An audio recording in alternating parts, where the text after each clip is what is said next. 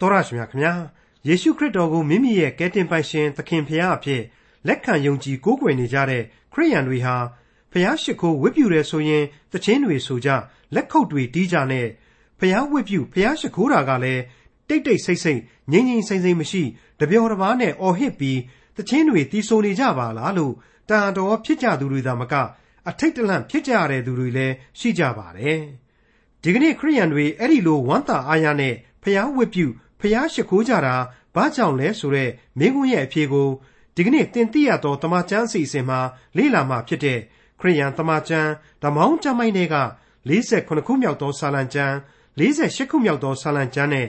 49ခုမြောက်သောဆာလံကျမ်းတွေမှာတွေ့ရမှာဖြစ်ပါတယ်။ခတ်သိမ်းသောလောကသားအယုတ်အမြတ်ကြွယ်ဝသောသူဆင်းရဲသောသူတို့တညီတညွတ်တီနားထောင်ကြလော့ဆိုပြီးလောကလူသားအလုံးအတွက်ဖော်ပြထားတဲ့ 48ခု48ခုနဲ့49ခုမြောက်သောစာလံကျမ်းတို့ကိုဒေါက်တာထွန်းမြတ်အေးက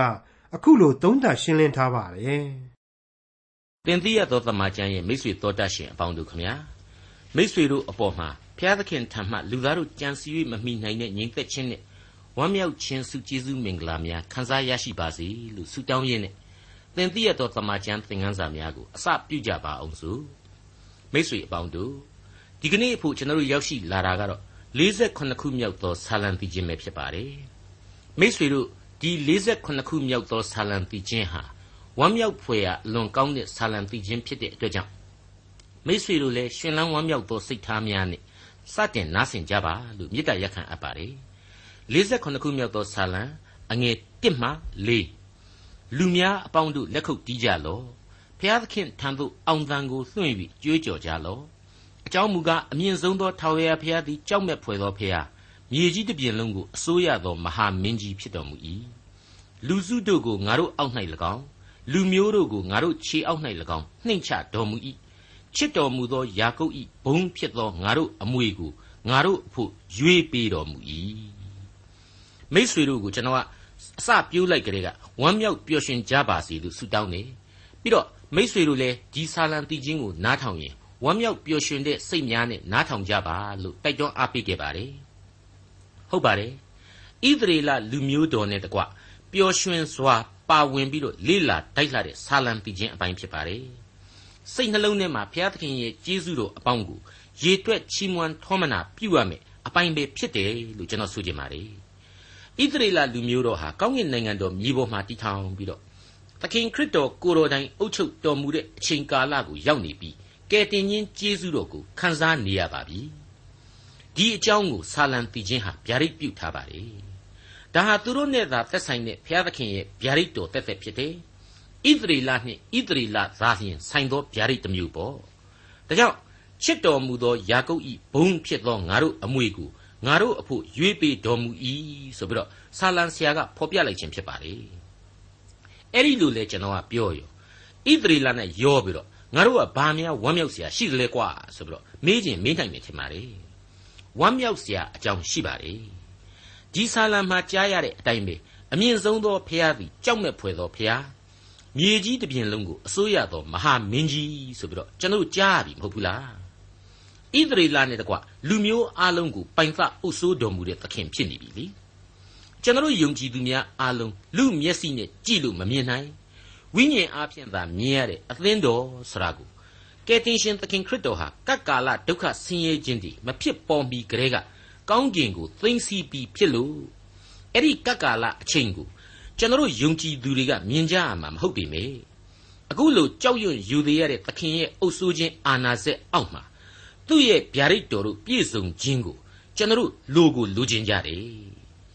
သူ့ရဲ့ဗျာဒိတ်တော်တွေပြည့်စုံမှနှုတ်ကပတ်တော်ဟာပြည့်စုံမယ်မဟုတ်ဘူးလား ကျွန်တော်အားလုံးကိုအပြစ်သမိုင်းကခြေကုပ်ယူပြီးတော့နိုင်လိုမင်းတဲ့လုတ်ခဲ့သူစာရမဏတ်ကွယ်ပြောက်သွားရခြင်းကိုသိနိုင်ပြီးတော့ဘုရားသခင်စိတ်ကြိုက်တည်မဲ့ကောင်းကင်နိုင်ငံတော်ပေါ်ထွန်းရခြင်းကိုကျွန်တော်လူသားအလုံးဟာကြိုတင်နားလေခံစားရတဲ့အတွက်ဣသရေလလူမျိုးတော်နဲ့အတူဝမ်းမြောက်ဝမ်းသာကြိုဆိုရမှာပဲဖြစ်ပါလေဒီနေရာမှာ Isaac Watts ဆိုတဲ့စာဆိုကတည်ကုန်းခဲ့တဲ့ Joy to the World ဆိုတဲ့သချင်းကိုကျွန်တော်သတိရမိပါတယ် လောကဝမ်းမြောက်ဖျားကြွလာဆိုတဲ့သချင်းကိုအားလုံးကြားဘူးကြမှာပါကျွန်တော်တို့ကဒီသချင်းကိုခရစ်မတ်ရဲ့အထူးတေးအဖြစ်ခံယူကြသလိုခရစ်တော်ပထမအကြိမ်ကြွလာခြင်းနဲ့ပြီးပြတ်သွားပြီလို့ထင်နေကြပါသလားကယ်တင်ရှင်ယေရှုတော်ကိုခြားထားပေးတာကတော့ပြီးပြတ်တာအမှန်ခရစ်တော်ရဲ့တကြိမ်ကြီးသောအသေးခံခြင်းအဖြစ်အပြစ်မှလွတ်ငင်းခြင်းယေရှုတော်ဆိုတာဟာတည်ပြီးဖြစ်တယ်ဆိုတာမငြင်းနိုင်ဘူးဒါပေမဲ့တရားစီရင်ခြင်းနဲ့ကောင်းကင်နိုင်ငံတော်မြေပေါ်မှာတည်ဖို့အတွက်ကတော့ မပြီးပြတ်သေးဘူးလို့ကျွန်တော်တို့နားလည်ထားခဲ့ပါလေ48ခုမြောက်သောစာလံအငယ်9မှ9ကြွေးကြော်ခြင်းအသံနှင့်ဘုရားသခင်တက်တော်မူ၏တဘိုးမှုတ်ခြင်းအသံနှင့်ထာဝရဘုရားတက်တော်မူ၏ဘုရားသခင်ကိုချီးမွမ်း၍တည်ခြင်းဆိုကြလော့တည်ခြင်းဆိုကြလော့ငါတို့၏ရှင်ဘုရင်ကိုချီးမွမ်း၍တည်ခြင်းဆိုကြလော့တည်ခြင်းဆိုကြလော့အကြောင်းမူကားဘုရားသခင်သည်မြေကြီးတစ်ပြင်လုံးကိုအစိုးရသောမင်းဖြစ်တော်မူ၏ ချီးမွမ်းထောမနာတည်ခြင်းကိုဆိုကြလော့ဘုရားသခင်သည်လူမျိုးတို့တွင်စိုးစံတော်မူ၏ဘုရားသခင်သည်တန်ရှင်းသောပလင်တော်ပေါ်မှထိုင်တော်မူ၏လူမျိုးတို့၏အကြီးအကဲတို့သည်အာဗြဟံကိုးကွယ်သောဘုရားသခင်၏လူမျိုးထံမှစုဝေးလျက်ရှိကြ၏အကြောင်းမူကားမြေကြီးတကိုးများကိုဘုရားသခင်ပိုင်တော်မူ၏အထူးသဖြင့်ချီးမြှောက်ခြင်းရှိတော်မူ၏ဒီအပိုင်းကိုဒေါက်တာဂေဘယ်လင်ဆိုတဲ့ပုဂ္ဂိုလ်ကြီးရဲ့စကားပြေအတိုင်းကျွန်တော်ကပြန်ပြီးတော့ဖော်ပြခြင်းပါတယ် ကြွေးကြော်တဘိုးမှုတ်တန်တို့၏ကြားမှာထာဝရဘုရားသည်စိုးစံလျက်ရှိနေ၏ထိုတကိုးကြီးသောသခင်အားဖြင့်လူသားတို့သည်ဆာလံတီခြင်းများနှင့်ချီးမွမ်းထောမနာပြုကြပါတပုတ်ပြီးတပုတ်သီဆိုထောမနာပြုကြပါထိုဘုရားသခင်မှတပါလောကသားတို့အဖို့ကိုးကွယ်ရန်ဘာမျှမရှိတို့ဖြစ်၍သူ့ကိုချီးမွမ်းကြပါဘုရားသခင်သည်မြေကြီးသားအလုံးတို့ကိုပိုင်ဆိုင်၍ယင်းမြေသားအလုံးတို့အားတစ္ဆာတရားကိုညွှန်ပြလျက် လူသားအလုံးဗဟုပြုနေသော ကောင်းကင်ပလင်ပေါ်မှထိုင်၍စူးစံနေပါသည်တို့ဖြစ်၍အာဗြဟံမှစ၍ယုံကြည်သူအလုံးတို့နှင့်တကွလူသားတိုင်းသူ့ကိုဝတ်ပြုကြရမည်ဤစัจ java လအနန္တ၌ရှိသမျှသောအကွယ်အကာအလုံးကို သူကသာလျင်ပေးစွန်းနိုင်သောကြောင့်အိုးလူသားအပေါင်းတို့သူဤဂုံကျေးဇူးတော်ကိုချီးမွမ်းထောမနာပြုကြစို့အဲ့ဒီလိုဒေါက်တာဂေဘယ်လင်းကအတိတ်ပဲဖွင့်ဆိုထားပါတယ် မိတ်ဆွေအပေါင်းတို့ခမညာပြီးခဲ့တဲ့24ခုမြောက်သောဆာလံမှာကယ်တင်ရှင်သခင်ခရစ်တော်ရဲ့ပထမအကြိမ်ကြွလာတော်မူပြီးတဲ့နောက်ကောင်းကင်ဘုံကိုပြန်လဲတက်ရောက်သွားခြင်းအကြောင်းကိုအနာဂတ်ပြုပြီးတော့ဖော်ပြထားခဲ့ပါတယ်အခု48ခုမြောက်သောဆာလံမှာကတော့ဒုတိယအကြိမ်မြေပေါ်ကိုဆင်းသက်ပြီးတဲ့နောက်ပြန်လဲတက်ကြွခြင်းကိုဖော်ညွှန်းလိုက်ပါတယ်ဟုတ်ပါတယ်အခုဒီဆာလံတည်ခြင်းဟာအဲ့ဒီလိုမေရှိယရဲ့ဘုံတကိုးတော်နဲ့မြင်ကွင်းတွေကိုအနာဂတ်ပြုနေခြင်းပါပဲ မိษွေအပေါင်းတို့မြေပေါ်မှာအသစ်တည်ထောင်မဲ့ယေရုရှလင်မြို့တော်နဲ့ကောင်းကင်နိုင်ငံတော်ကြားမှာပြားပန်းခတ်မြလှုပ်ရှားနေတဲ့ဆက်သွယ်ရေးလမ်းကြောင်းကြီးတစ်ခုကိုအဲ့ဒီအချိန်မှာမြင်တွေ့ကြရလိမ့်မယ်လို့ကျွန်တော်စိတ်ကူးယဉ်မိပါတယ်ကမ္ဘာပေါ်မှာဒီကနေ့ဘယ်သူမှမမြင်ဘူးသေးတဲ့ကောင်းကင်လမ်းမကြီးပေါ့ကျွန်တော်တင်ပြဘူးခဲ့တဲ့အတိုင်းပဲယုံကြည်သူအသင်းတော်ဟာကောင်းကင်နိုင်ငံတော်မှာရောက်ရှိနေပြီးသားဖြစ်ပါလိမ့်မယ်ဣသရေလလူမျိုးတော်တွေကယုံကြည်သူများနဲ့ အသင်းတော်မှာမပါဝင်ခဲ့သေးပေမယ့်ဖျားသခင်ကိုကတ်ကာလအချိန်အတွင်းပြောင်းလဲယုံကြည်သူတွေအားလုံးဟာလေဒီကောင်းကင်လမ်းကိုဆင့်တက်သွားလာခွင့်ရှိနေကြရမှာအမှန်ပဲလို့ကျွန်တော်တွေးမိပါတယ်နှုတ်ကပတ်တော်ကိုစူးစမ်းပန်းစားထုတ်နှုတ်တွေးမိယုံကလွဲလို့တော့အနာဂတ်ကြံများဟာအနာဂတ်ကြံများပြီးပြီးဝရဝါမပီမပြင်းမျှတာရှိတယ်လို့ကျွန်တော်ဝန်ခံနေပါတယ်ဒါပေမဲ့ကြည်လင်ပြတ်သားစွာနားလေရတဲ့အချက်ကတော့ မြေကြီးတကူများအလုံးကိုဘုရားသခင်ပိုင်တော်မူ၏အထူးသဖြင့်ချီးမြှောက်ခြင်းရှိတော်မူ၏ဆိုတဲ့သစ္စာတရားပဲဖြစ်ပါတယ်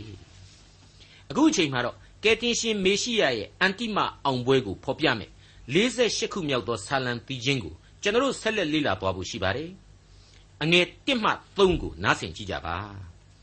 ထာဝရဘုရားသည်ကြီးမြတ်တော်မူ၏ တန်ရှင်းသောတောင်တော်ပေါ်မှာငါတို့ဘုရားသခင်၏မြို့တော်တွင်အထူးသဖြင့်ထောမနာချီးမွမ်းခြင်းကိုခံတိုက်တော်မူ၏မြေကြီးတစ်ပြင်လုံးရှင်လန်းရာစီးအောင်တောင်ထိပ်သည်အစင်းလှပပြီမြောက်မျက်နှာဘက်၌မဟာမင်းကြီး၏မြို့တော်သည်တည်၏ထိုမြို့၏ဘုံဗိမှန်တို့တွင်ဘုရားသခင်၌ခိုလုံရသည်ကိုသိရ၏တကိုးကြီးသောဘုရားသခင်သည်ကြီးမြတ်တော်မူသောကြောင့်သူ့ကိုမဟာကျေးဇူးဂိယူနာတော်ရှင်အဖြစ်ချီးမွမ်းကြစမ်းပါ ယေရုရှလင်မြို့တော်မှစ၍အလွန်လှပတဲ့ဇီးအောင်တောင်ပေါ်မှဗိမှန်တော်အရရတို့၌ထိုဘုရားသခင်ရှိနေသည်ထိုဘုရားသခင်ကိုချီးမွမ်းပြစ်အောင်ချီးမွမ်းကြစမ်းပါဆိုတဲ့အဓိပ္ပာယ်ဆောင်ယူထားပါတယ်ဒီကျမ်းတဲ့ကမြောက်မျက်နှာပြင်ဘက်၌ဆိုပြီးတော့အထူးပြုထားတဲ့အချက်ဟာအင်မတန်စိတ်ဝင်စားဖို့ကောင်းနေတဲ့အကြောင်းကျွန်တော်တင်ပြလိုပါတယ်။နှိုင်းရှင်ချက်တစ်ခုအနေနဲ့ဟေရှာယအနာဂတိကျမ်းအခန်းကြီး14အငယ်7မှ15ကိုဖတ်ကြည့်ကြပါ။အိုးနန်းနဲ့သား မိုးတော့ကျဲ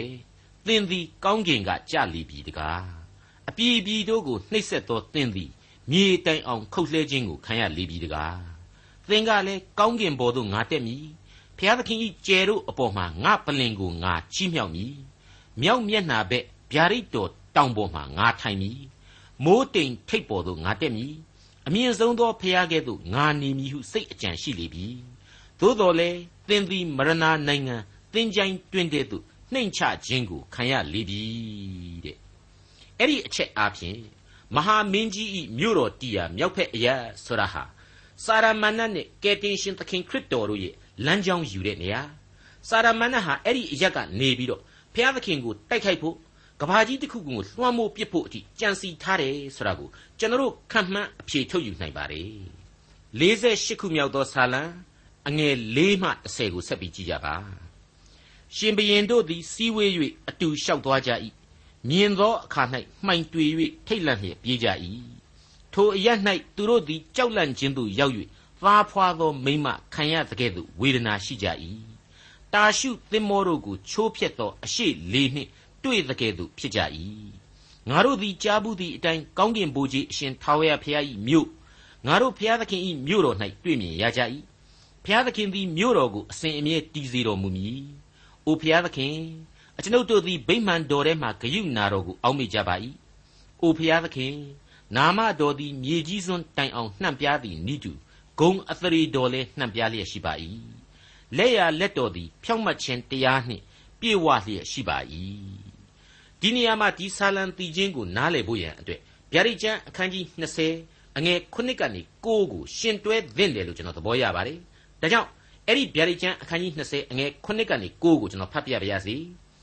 ထိုအနှစ်တစ်ထောင်ကုန်ပြီးမှစာရန်တီထောင်တဲကလွတ်သောအခွင့်ကိုရ၍အရေးအတွက်အားဖြင့်သမုတ်တရားသဲလုံးနှင့်အမျှများသောဂောကမာဂောကကြီးဟုသောမြေကြီးလေးမျက်နှာမှနေသောလူအမျိုးမျိုးတို့ကိုလှည့်ပြားအံ့သောငါ၎င်း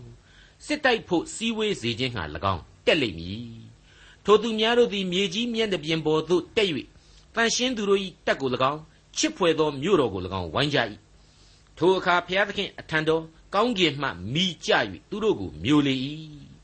သူတို့ကိုလှည့်ပြားသောမာနသည်လေသားရဲနှင့်မိစ္ဆာပရောဖက်ရှိရာကန့်နှင့်ရောသောမိအိုင်တဲသို့ချပြစ်လျင်သူတို့သည်နေညမပြတ်ကဘာအဆက်ဆက်ပြင်းစွာသောဝေဒနာကိုခံရကြလက်တံဒါဟာ millennium လို့ခေါ်တဲ့ခရစ်တော်အနှစ်တစ်ထောင်အုပ်စိုးတဲ့ကောင်းကင်နိုင်ငံတော်ရဲ့အဆုံးမှာ အဲ့ဒီအနှစ်တစ်ထောင်အတွင်းနှိတ်ကွဖန်ဆီးထားတဲ့စာရန်တခဏထောင်ကလွတ်ပြီးတော့ကောင်းကင်နိုင်ငံတော်နဲ့ခရစ်တော်ကိုစစ်တိုက်ဖို့ရန်ကြိုးစားလာပြန်လိမ့်ဦးမယ်အဲ့ဒီအခါမှာကောင်းကင်နိုင်ငံတော်ကမိအားဖြင့်သူတို့ကိုဘုရားသခင်ကနေအကျွင့်မဲ့ဖြစ်စီပြစ်လိမ့်မယ်ဆိုတာကိုဖော်ပြလိုက်တဲ့ဗျာဒိတ်အနာဂတ်ကျမ်းဖော်ပြချက်ပဲဖြစ်ပါတယ်အဲ့ဒီဗျာဒိတ်ကျမ်းဖော်ပြချက်အရာခုလိုစာရန်ပေါ်ထွက်လာမယ့်အချိန်တခဏနေ ကျွန်တော်တို့အခုလေ့လာနေတဲ့ဆာလံအမှတ်စဉ်48ရဲ့ဗျာဒိတ်ဖော်ပြချက်တွေနဲ့ကိုက်ညီနေတယ်လို့ကျွန်တော်လေးနဲ့စွာခံယူပါတယ်ရှင်ဘရင်တို့သည်မှိုင်တွေသွားကြတယ်ထိတ်လန့်သွားကြရတယ်အရှိလေပြင်းကြီးကြတယ်လို့ခံစားရမယ်ဆိုတဲ့တင်စားချက်ဟာနှုတ်ကပတ်တော်ရဲ့အထူးစင်ကြင်ရန်ဖော်ပြထားချက်ပဲဖြစ်ပါတယ်အဲ့ဒါတွေဟာအဲ့ဒီအနာဂတ်ကာလလူသားတို့အဖို့တော့သူတို့ကြားဘူးခဲ့တဲ့အတိုင်းဖြစ်နေတာကိုလက်တွေ့သိလာကြတာဖြစ်တယ်ဆိုတာကိုလေအငယ်ရှစ်ကဖော်ပြလိုက်ပါတယ် ငါတို့သည်ကြားဘူးသည့်အတိုင်းကောင်းကင်ဘိုးကြီးအရှင်ထာဝရဘုရား၏မြို့ငါတို့ဘုရားသခင်၏မြို့၌တွေ့မြင်ရကြ၏ဘုရားသခင်သည်မြို့တော်ကိုအစဉ်အမြဲတည်စေတော်မူမည်တဲ့ဒါပေမဲ့အဲ့ဒီအချိန်ဟာကမ္ဘာသမိုင်းကြီးတစ်ခုလုံးရဲ့အဆုံးသတ်ဖို့အမှုတော်များဟာအပိဓာဖြစ်နေပါပြီကောင်းကင်နိုင်ငံတော်မှာရှိနေတဲ့ဗိမာန်တော်ကဘုရားသခင်ကိုသူတို့ချီးမွမ်းဖို့သာအဓိကတာဝန်ရှိနေပါပြီတခြားဘာဆိုဘာမှပူပန်စိုးရင်စရာမရှိတော့ပါဘူး ဒါကြောင့်ဖတ်ပြီးခဲ့တဲ့ဆာလံ48အငယ်6နဲ့10ကစပြီးတော့အဆုံးအငယ်14အထိဆက်လက်နားဆွင့်ကြည့်ကြစေခြင်းပါတယ်။အိုဖျားသခင်အကျွန်ုပ်တို့သည်ဗိမာန်တော်ထဲမှဂယုနာတော်ကိုအောက်မေ့ကြပါ၏။အိုဖျားသခင်နာမတော်သည်မြေကြီးစွန်းတိုင်အောင်နှံ့ပြားသည်နိတူဂုံအသရေတော်လည်းနှံ့ပြားလျက်ရှိပါ၏လက်ရလက်တော်သည်ဖြောင့်မတ်ခြင်းတရားနှင့်ပြည့်ဝလျက်ရှိပါ၏တရားစီရင်တော်မူချက်များကြောင့် ဇီးအောင်တောင်သည်ဝမ်းမြောက်၍ယူဒအမျိုးသမီးတို့သည်ရှင်လန်းကြပါ၏သားမြေးတို့အားကြားပြောမိအကြောင်းဇီးအောင်မြို့ကိုပတ်ပတ်လေ၍ပြအိုးတို့ကိုရေတွက်ကြလော့ရင်သားတို့ကိုမှတ်၍ဘုံဗိမ့်မှန်များကိုလည်းဆင်ကျင်ကြလော့အကြောင်းမူကားထိုဖျားသခင်သည်ကာလအစဉ်အမြဲငါတို့၏ဖျားဖြစ်တော်မူ၏သေသည်ကာလတိုင်အောင်ငါတို့ကိုပို့ဆောင်တော်မူတတ်တည်းကာလအစဉ်အမြဲတည်သောဖျားသခင် သေသည်တိုင်အောင်ပို့ဆောင်နိုင်သောဘုရားသခင်ဆိုတဲ့အချက်ဟာအနာဂတ်မဟုတ်ပြန်ပါဘူးဒါပေမဲ့အလွန်ခိုင်မာတဲ့ဘုရားသခင်ရဲ့ဘုန်းတော်ကိုချီးမွမ်းလိုက်သောအသံအဖြစ်သူဖော်ပြနေတဲ့အနာဂတ်ကြံကိုထပ်မံအားဖြင့်သွန်လောင်းပေးလိုက်တဲ့အတူတူပါပဲအခုကျွန်တော်တို့46ခုမြောက်သောဆာလံတီချင်းကိုဆက်လက်လေ့လာသွားဖို့ရှိနေပြန်ပါတယ်ဒီအပိုင်းကတော့လောကီစည်းစိမ်ဥစ္စာတို့နဲ့ပတ်သက်ပြီးတော့မာမာနတရားကြီးမားနေတဲ့သူတွေဝါကြွားဝမ်းမြောက်လွန်းနေတဲ့သူတွေအဖို့ ကြောက်မဲ့ဖွယ်ရာဖြစ်တတ်သောဏိဂုံးကိုဖော်ပြမဲ့ကြမ်းတစ်ခုဖြစ်ပါတယ်ကျွန်တော်ရဲ့အတွေးအခေါ်များကြားမှာတော်လှန်သောအယူအဆတစ်ခုဖြစ်ပွားစေလိမ့်မယ်လို့ကျွန်တော်ခံယူပါတယ်ဆက်လက်လေ့လာကြည့်ကြပါအောင်စို့46ခုမြောက်သောစာလံအငယ်1မှ4လူများအပေါင်းတို့ကြားကြလော့ခတ်သိမ်းသောလောကသားအယုတ်အမျက်ကျွဲဝသောသူဆင်းရဲသောသူတို့တညီတညွတ်ကြီးနားထောင်ကြလော့ငါနှုတ်သည်ပညာကိုမွဲ့ဆိုမည် ငါနှလုံးသည်ဉာဏ်နှင့်ဆိုင်သောအရာကိုဆင်ခြင်မိပုံစကားသို့ကိုနာကိုလှဲ့လျက်နက်နဲသောအရာကိုစောင်းတီး၍ဖွင့်ပြပေးအံ့အလွန်သိမ်မွေ့သောပညာပေးတေးလင်ကဖြစ်ပါလိမ့်မယ်ချိုးသားစွာဖြင့်ငါပြောမည်အယုတ်အလတ်အမြတ်မရွေလူတိုင်းနားဆင်ကြစေတည်းဆိုတဲ့သဘောကိုဆောင်ယူထားသောဏ္ဍန်ဖြစ်ပါတယ်ဘုရားသခင်ကိုတော်တိုင်ဟာလူမျိုးတော်ကိုခါနန်သို့ဝင်စေတော်မူခြင်းမှာအခုလိုကြည်ညာခဲ့ပါတယ် တရားဟောရာကျမ်းအခန်းကြီး32အငယ်1အိုးကောင်းကျင်နားထောင်လော့ငါပြောမည်အိုးမြေကြီးငါမွဲ့ဆိုသောစကားကိုကြားလော့တဲ့ဟုတ်ပါတယ်ဒါဟာမောရှေအားဖြင့်မြေကြီးနဲ့ကောင်းကင်ကိုဖျားသခင်သက်သေတည်ထားစေလိုက်တာပါပဲ46ခုမြောက်သောဆာလံအငယ်9မှ30ခဲရင်ဆိုးရုပ်သောကာလ၌ငါဤအရာတို့ကို လူယူခြင်းသောသူတို့၏ဒုစရိုက်အမှုသည်ငါကိုဝိုင်းတော်လေငါသည်အဘယ်ကြောင့်ကြောက်ရမည်နည်းထိုသူတို့သည်ကိုဥစ္စာကိုကိုးစား၍ကိုစည်းစိမ်များသောကြောင့်ဝါကြွားတော်လေမိမိညီအကိုကိုအဘယ်သူမျှအရှင်းမရွေးနိုင်ရွေးရန်အဖိုးကိုဘုရားသခင်၌မပေးနိုင်သူတို့အသက်ဝိညာဉ်ဤရွေးရန်အဖိုးကြီးလှပေ၏တို့ဖြစ်၍အစဉ်ရှုံးလျက်နေရမည်ရွေးလျင်အစဉ်အမြဲအသက်ရှင်ရ၏ ပုတ်ဆက်ခြင်းသို့မရောက်ရထင်ရှားသောအရာဟုမူကားပညာရှိသောသူတို့သည်သေရကြ၏ထို့အတူမိုက်သောသူနှင့်တိရစ္ဆာန်သဘောရှိသောသူတို့သည်ပျက်စီးခြင်းသို့ရောက်၍မိမိတို့ဥစ္စာကိုသူတစ်ပါးတို့၌ခြံထားကြ၏အလွန်တရာနားထောင်လို့ကောင်းတဲ့လူစင်းရဲ့တယောက်ရဲ့ရင်ထဲကမေကွန်ကလေးတစ်ခုနဲ့အစပြိုးလိုက်တာပါပဲငါဟာမွဲတဲ့မွဲနေရတဲ့ကြားထဲမှာငါ့ကိုလူမဲ့ရက်မဲ့လူတွေကလည်းရှိနေပြန်တယ်ဒါပေမဲ့ငါဘသူ့ကိုကြောက်ရမှာတုံး ပြီးနောက်မှမှအဖြေတွေဟာဆင်ကဲဆင်ကဲပေါ်ထွက်လာပါတယ်ဟုတ်ပါတယ်ဒါဟာဆင်းရဲသားများအပေါ်မှာမှထပ်ပြီးတော့ခေါင်းပုံဖြတ်ရင်ချမ်းသာနေတဲ့လူတွေကိုဥတီရည်ညွှန်းဖော်ပြခြင်းဖြစ်ပါတယ်ဆာလံဆရာကဒီလိုမေးခွန်းထုတ်အပြီးမှာအဖြေကိုဆက်ပြီးပေးပါတယ်လောကစည်းစိမ်ဥစ္စာတွေဘလောက်ပဲရှိရှိဝိညာဏခန္ဓာဟာအရေးအကြီးဆုံးပဲအဲ့ဒီဝိညာဉ်သာမဆုံးရှုံးစေနဲ့လူဟာသာဝရအသက်ဆိုတဲ့အမျက်ဆုံးအမွေကိုရမယ် ဘယ်တော့မှပုတ်ဆက်ခြင်းကိုမရောက်နိုင်ဘူးတဲ့အတိတ်ဘယ်ကတော့ဝိညာဉ်မဆုံးရှုံးဖို့အရေးမှာအလိုအဆုံးကတော့ယုံကြည်ခြင်းတရားပဲဖြစ်တယ်ဖြောင့်မတ်ခြင်းရှိနေဖို့ပဲဖြစ်တယ်ဆိုတဲ့အဖြေပါပဲမိတ်ဆွေတို့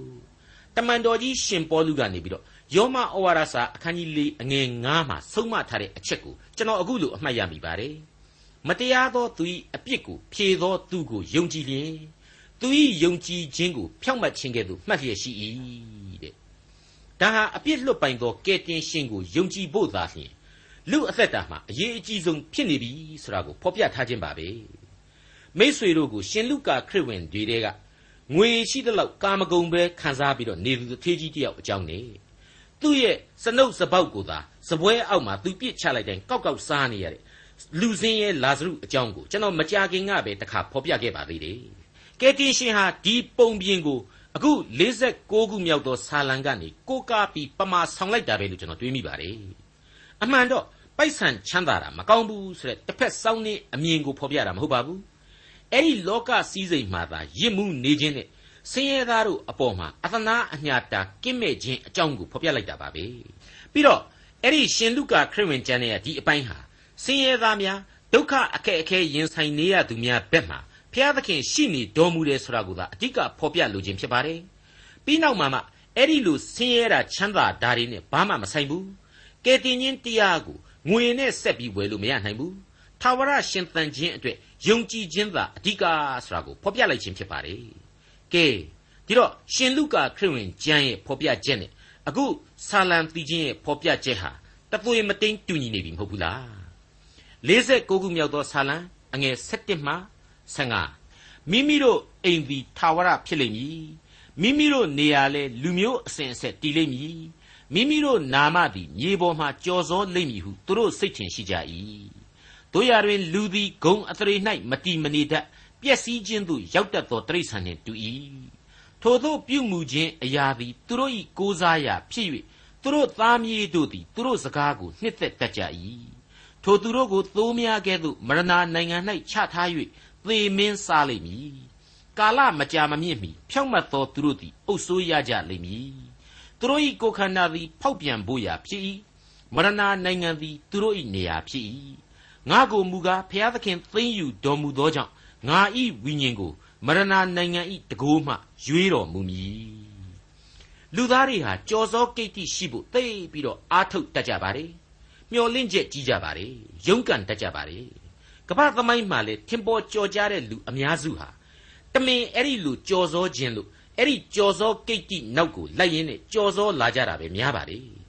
ကျွန်တော်ဖတ်ဖူးသရွေ့ဆိုရင်အဲ့ဒီထက်မှာနပိုလီယန်ဟာထိတ်ဆုံးကပါတယ်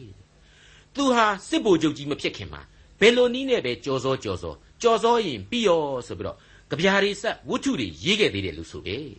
ကျွန်တော်စိတ်ထဲရှိတာပြောရမယ်ဆိုရင်တော့သူ့ခေတ်တုန်းကစာပေနဲ့ကဘာကြော်ခဲ့တဲ့ Shakespeare တို့ Shelley တို့ Pushkin တို့ Jules Verne တို့အဲ့လိုပုံကိုကြီးတွေကို तू ကအားကြပြီးတော့ကလောင်ကိုကောက်ကင်တာပဲသူကသူတော့လဲအဟုတ်မှတ်နေမှာသိကြတာပေါ့ဒါပေမဲ့သူ့စာမှုတွေကိုဘယ်မဂ္ဂဇင်းကမှမကြွေတော့အကြီးအကျယ်စိတ်သက်ကြရတယ်နောက်ဆုံး तू ကျွန်းကျင်တဲ့စစ်ပညာနဲ့ပဲသူဟာကမ္ဘာသမိုင်းဝင်ပုဂ္ဂိုလ်ကြီးဖြစ်သွားရတာပါဟစ်တလာကြတော့လေတမျိုးနော်စီးဝေးတွေဖိတ်တယ်သူများလူဆုံပြီးပြီဆိုမှ तू ကတမင်နောက်ကျပြီးသွားတဲ့အခါသွားတယ် ရောက်သွားတာနဲ့သူ့ကိုယ်ကိုသူသူများကအထင်ကြီးအောင်ဗဇက်သေးရှိတာတွေရှောက်ပြောအော်ငေါက်ပြီးတော့ဟန်ရေးပြရတယ်ဆိုပဲအောင်မယ်တခါတလေကြတော့လေ तू ကဘသူမှမရောက်ခင်စီဝေးကန်းထဲမှာတယောက်တည်းအရင်ရောက်နေပြီးတော့မျက်လုံးကြီးပုတ်ခါပုတ်ခါနဲ့နောက်ရောက်လာတဲ့လူတွေကိုလည်းတခွန်းမှစကားမပြောဘဲနဲ့ဥကြောင်ကြောင်ကြီးထိုင်နေတဲ့နီးနဲ့ကြော်ကြားအောင်သူ့ကိုယ်သူလှုပ်တယ်ဆိုပဲလူတွေအကြောင်းဟာစိတ်စိတ်စဉ်းစားလိုက်ရင်ရည်စရာမကောင်းဘူးလားကြော်စောကိတ္တိရှိခြင်းလွန်အားကြီးကြလို့လေဒါပေမဲ့ အဲ့ဒီလိုလောကအရာတွေကိုအလွန်အကျွံတတ်မဲ့ဆွဲလန်းခြင်းတွေဟာနောက်ဆုံးတော့မရဏနိုင်ငံမှာပဲအဆုံးသတ်ရတယ်တဲ့သူတို့တွေကိုလည်းသိုးတွေအဖြစ်ဆာလံဆရာဟာနှိုင်းဆထားပါတယ်ဒါပေမဲ့အဲ့ဒီသိုးတွေဟာထာဝရဘုရားဆိုတဲ့သိုးရင်းကြီးရဲ့ကွဲကာခြင်းကိုမခံယူဘူးဆိုရင်တော့သေမင်းကစားပစ်တာကိုပဲခံရတဲ့သိုးများဘဝကိုရောက်သွားရလိမ့်မယ်တဲ့အမှန်တော့မရဏသေခြင်းဆိုတာဟာကျွန်တော်ပြောခဲ့တဲ့အတိုင်းရှီယောလို့ခေါ်တဲ့ဘဝလမ်းဆုံးပါ လူတိုင်းရောက်တာကြီးပါပဲဒါပေမဲ့အဲ့ဒီမရဏနိုင်ငံမှာပဲသေမင်းအစားမခံရဖို့အတွက်ကတော့ဘုရားသခင်တတ်နိုင်တော်မူတယ်ကေယူဆယ်မနိုင်စွမ်းရှိတယ်ရှေတင်ချင်းတရားကိုခံယူနိုင်အောင်လို့လေနှုတ်ကပတ်တော်ဟာလူသားကိုအမြဲတစေတွင်တင်ပေးနေခြင်းဖြစ်ပါတယ်။ဒါကြောင့်မို့လေခရစ်တော်ရဲ့ဘက်တော်သားတွေအတွက်ကြိုတင်ဗျာဒိတ်ပြုလိုက်တဲ့ဆာလံတီချင်းရဲ့အငယ်15မှာငါကိုမူကားဖျားသခင်သိမ့်ယူတော်မူသောကြောင့်ငါဤဝိညာဉ်ကို မရဏနိုင်ငံဤတကိုးမှရွေးတော်မူမည်ဆိုတဲ့အချက်ကိုဖော်ပြလိုက်ခြင်းဖြစ်ပါတယ်။49ခုမြောက်သောဆာလံအငယ်16မှ20အဆုံးအထိသူတစ်ပါးသည်ဥစ္စာကြွယ်ဝ၍အိမ်ဤဂုံအသရေကိုတိုးပွားသောအခါသင်သည်မစိုးရိမ်နှင့်ထိုသူသည်သေသောအခါအဘယ်ဥစ္စာမျှမပါရသူဤဂုံအသရေသည်သူ့နောက်သို့မဆင်းမသက်ရထိုသူသည်အသက်ရှင်စဉ်အခါမိမိဝိညာဉ်ကိုကောင်းကြီးပေးတတ်၏မိမိအကျိုးကိုပြုစုသောအခါ သူတစ်ပါးတို့သည်ချီးမွမ်းတတ်ကြ၏သို့တော်လည်းသူသည်သူဤဘိုးဘေးအမျိုးရှိရာသို့သွားရလိမ့်မည်ကာလအစဉ်အဆက်သူတို့သည်အလင်းကိုမမြင်ရကြဂဂုံအသရေနှင့်ပြည့်စုံလျက်ပညာသတိမရှိသောသူသည်ကပျက်စီးခြင်းသို့ရောက်တတ်သောတိရစ္ဆာန်နှင့်တူ၏ဒါဟာအထွေထွေသဘောကိုဆောင်ပါတယ်ရေပုံရဖော်ပြချက်လို့ကျွန်တော်တင်ပြခြင်းပါတယ်ဒါပေမဲ့အင်မတန်မှန်ကန်တဲ့အချက်ပဲလို့ကျွန်တော်ကတော့အလေးနဲ့ယုံပါတယ် ပိုက်ဆံရှိရင်လူဘဝမှာမရှိတဲ့လူတက်တော့အဆအဆအရာမှာအခြေအနေပို့ပြီးကောင်းတာပါပဲရှိတဲ့လူများပြောတာပါမရှိတဲ့လူတက်တော့သာတာပဲမဟုတ်ဘူးလားဒါကြောင့်လဲမရှိတဲ့လူများဟာနေရာတကာမှာမျက်နှာငဲရတယ်အနှိမ်ခံရတယ်ဆိုတာတွေကိုကျွန်တော်တို့ယဉ်တုမနာတွေ့ရပါတယ်အဲ့ဒီအခါမှာအဲ့ဒီအနှိမ်ခံအတိုင်းအဝိုင်းကမရှိတဲ့လူတွေကလေမခံကျင်စိတ်နဲ့မရှိရှိအောင်ကြိုးစားကြတယ် ရှိလာတဲ့အခါကျပြန်တော့လေမရှိတဲ့လူတွေကိုပြန်ပြီးတော့စာနာစိတ်နဲ့တက်လှည့်ကြည့်ရှုဖို့တော့စိတ်မကူဘူးရှိပြီးရင်ရှိကျင်ဓာတွေကသာများနေတာကိုဆက်လက်ပြီးတော့ယဉ်နှင့်ဘွယ်ရမြင်ကွင်းများအဖြစ်ကျွန်တော်တို့မြင်နေရပါတယ်ဒါကြောင့်မို့လို့လေလူသားဟာ fallen nature ပဲပြိုကျပျက်စီးနေသောသဘာဝပဲလို့ကျွန်တော်အချင်းချင်းဖော်ပြခဲ့ခြင်းပါတကယ်တော့ဘုရားသခင်မှုတ်သွင်းပေးတော်မူတဲ့ဝိညာဉ်နဲ့မှုလို့သာထူးခြားတဲ့ကောင်းကျင်နဲ့ထာဝရအသက်ဆိုတဲ့အမွေ ကယ်တင်ရှင်စုကျေးဇူးဆိုတာတွေကိုကျွန်တော်တို့မျှော်လင့်နိုင်ခြင်းပါတာမန်အဖြစ်တော့တခြားတိရစ္ဆာန်လောကနဲ့ဘာမှထူးမှမဟုတ်ပါဘူးအဲ့ဒီအထဲမှာမှဇာတိပဂရိအလိုကိုသာလိုက်ချင်တဲ့လူရဲ့ဇယိုက်ရဲ့သမိုင်းဖြစ်စဉ်တွေရဲ့ကိုကမ္ဘာသမိုင်းဝင်လူသားအပေါင်းတို့ကပြသခဲ့ပြီးဖြစ်တယ်လို့လူမျိုးတော်ဣသရေလအားဖြင့်လေမျက်ဝါးထင်တင်ကျွန်တော်မြင်ခဲ့ရပြီးတဲ့နောက်မြင်နေရစေလည်းဖြစ်ပါတယ်။ဆာလံဆရာအပေါင်းတို့ရဲ့ခန်းစားချက်များဟာသူတို့ရဲ့လက်တွေ့ဘဝ သူတို့သမိုင်းတွေကသင်ခန်းစာအဝဝတို့နဲ့အတူအလွန်တရာကောင်းမွန်တဲ့အနာဂတ်အကြောင်းများကိုကြိုတင်ဖော်ပြရင်းနဲ့ကျွန်တော်အတွက်ဝိညာဉ်ခွန်အားများကိုဆက်လက်ပေးစွန်းသွားမှာဖြစ်ကြောင်းတင်ပြရင်းနဲ့ဒီကနေ့အစီအစဉ်ကိုအနားယူလိုက်ကြပါစို့ဒေါက်တာထွန်းမြတ်ရေးစီစဉ်တင်ဆက်တဲ့တင်ပြရသောတမချန်းအစီအစဉ်ဖြစ်ပါတယ်နောက်တစ်ချိန်အစီအစဉ်မှာခရိယန်တမချန်းဓမ္မဟောင်းကျမ်းပိုင်းမှာပါရှိတဲ့အခု90မြောက်သောဆာလံကျမ်းကိုလေ့လာမှုနဲ့အတူ 50ခုမြောက်သောဆာလံကျမ်းရဲ့ဏ္ဍန်ပိုင်းကိုလေ့လာမှဖြစ်တဲ့အတွက်စောင့်မျှော်နားဆင်နိုင်ပါတယ်။